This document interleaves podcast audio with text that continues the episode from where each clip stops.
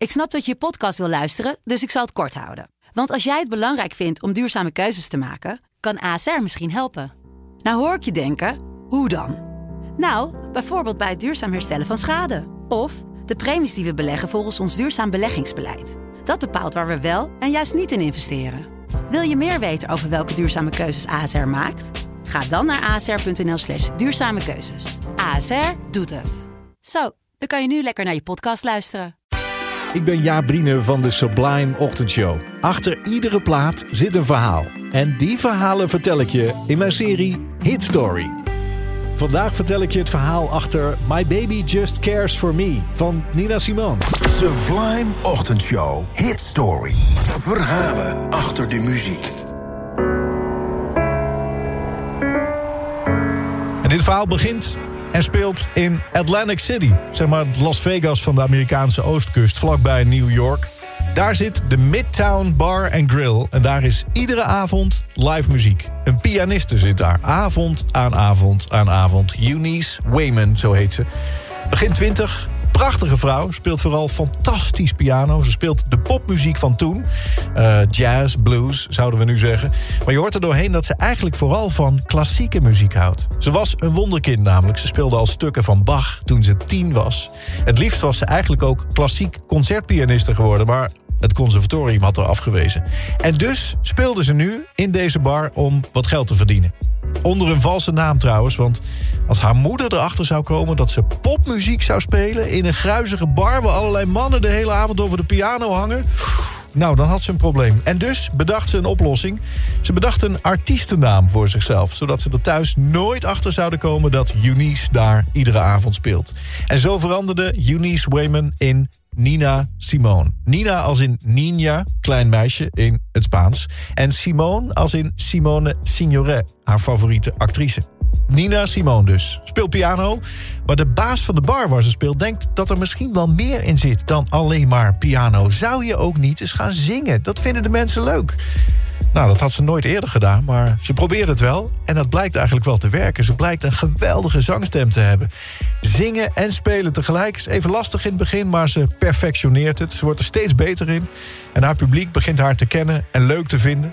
Dat wordt ook opgemerkt door een platenbaas die daar op een avond aan de bar zit. Die zegt, joh, wil jij niet een keer een plaat opnemen? Nou, dat wil ze wel. Maar dan wil ze wel zelf de leiding hebben. Nou, Oké, één dag studiotijd krijgt ze. De platenbaas regelt een drummer en een bassist. En het wordt een lange dag. 14 uur lang zijn ze bezig met opnemen. En dan zijn er 11 liedjes. Die precies klinken zoals het iedere avond klinkt in die bar in Atlantic City. Nina Simone, de klassiek concertpianiste... die jazz- en bluesliedjes speelt en zingt. Het album wordt uitgebracht en ze verdient er lekker op... want ze verkoopt de rechten op die liedjes voor 3000 dollar. Dat is een boel geld. Maar voor dat geld verkoopt ze dus alle rechten. En dus verdiende ze daarna nooit meer iets aan dat album. Ook niet aan dat ene liedje dat in de jaren 80 nog een nummer 1 hit zou worden. Het allerlaatste liedje dat ze opnam op die lange opnamedag... 14 uur in 1957. My Baby Just Cares For Me. My baby don't care for shows. Baby don't care for clothes. My baby just cares for me. My baby don't care for cars and races. My baby don't care for tone places.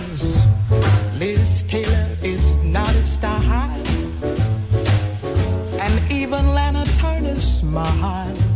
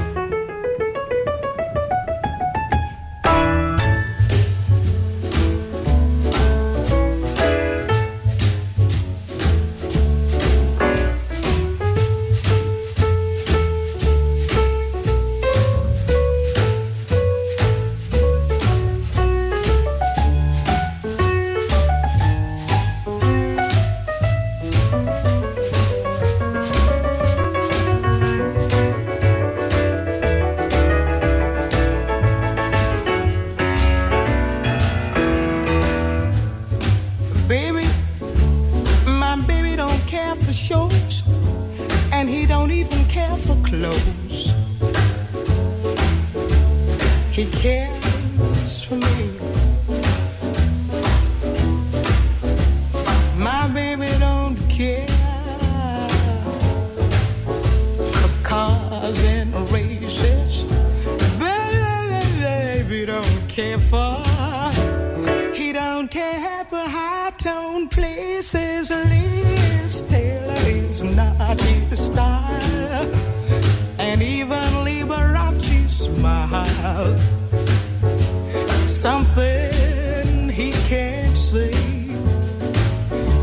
something he